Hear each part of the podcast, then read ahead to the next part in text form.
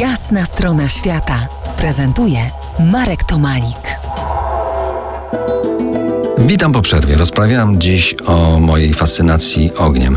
W pierwszej części spotkania mówiłem o bardzo nieuświadomionej potrzebie patrzenia w ogień przy rozpalaniu domowych pieców, a także przy domowych ognisk. Minęło kilkanaście lat i ruszyłem za ogniem w świat. Ogniska paliłem pod kołem polarnym na Saharze, wielokrotnie w przestrzeni pustynnego australijskiego outbacku, ale to największe, które do dzisiaj płonie w mojej głowie, było na Syberii, nad Bajkałem. Nie, ja bym takiego mega ogniska tam nie wymyślił. Po prostu brałem udział w przepięknych ogniskach układanych godzinami i palonych przez Rosjan z Irkucka.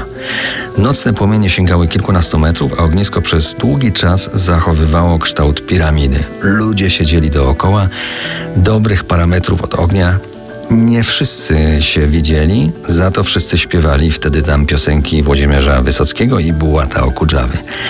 I jak na Rosjan bardzo umiarkowanie z alkoholem tam było. Jakaś jedna butelka krążyła dookoła, ale taki stan rzeczy może tłumaczyć, że wtedy w 1989 roku wódkę mieli tam na kartki, czyli była rarytasem. Ogień też służył tam, ale to już za dnia, do wędzenia ryb na ciepło. Tym codziennie zajmowało się kobiety, bo faceci, w tym ja, byliśmy w tym czasie na wodzie, łapiąc okonie i szczupaki.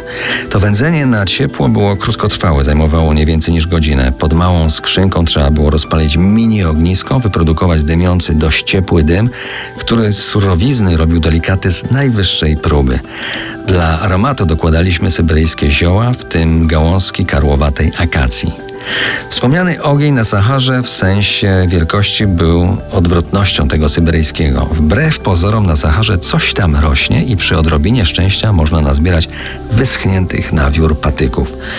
Do skalnego uroczyska zabrał mnie tuarek. Ognisko służyło do zagotowania wrzątku, a ten do rytualnego parzenia herbaty.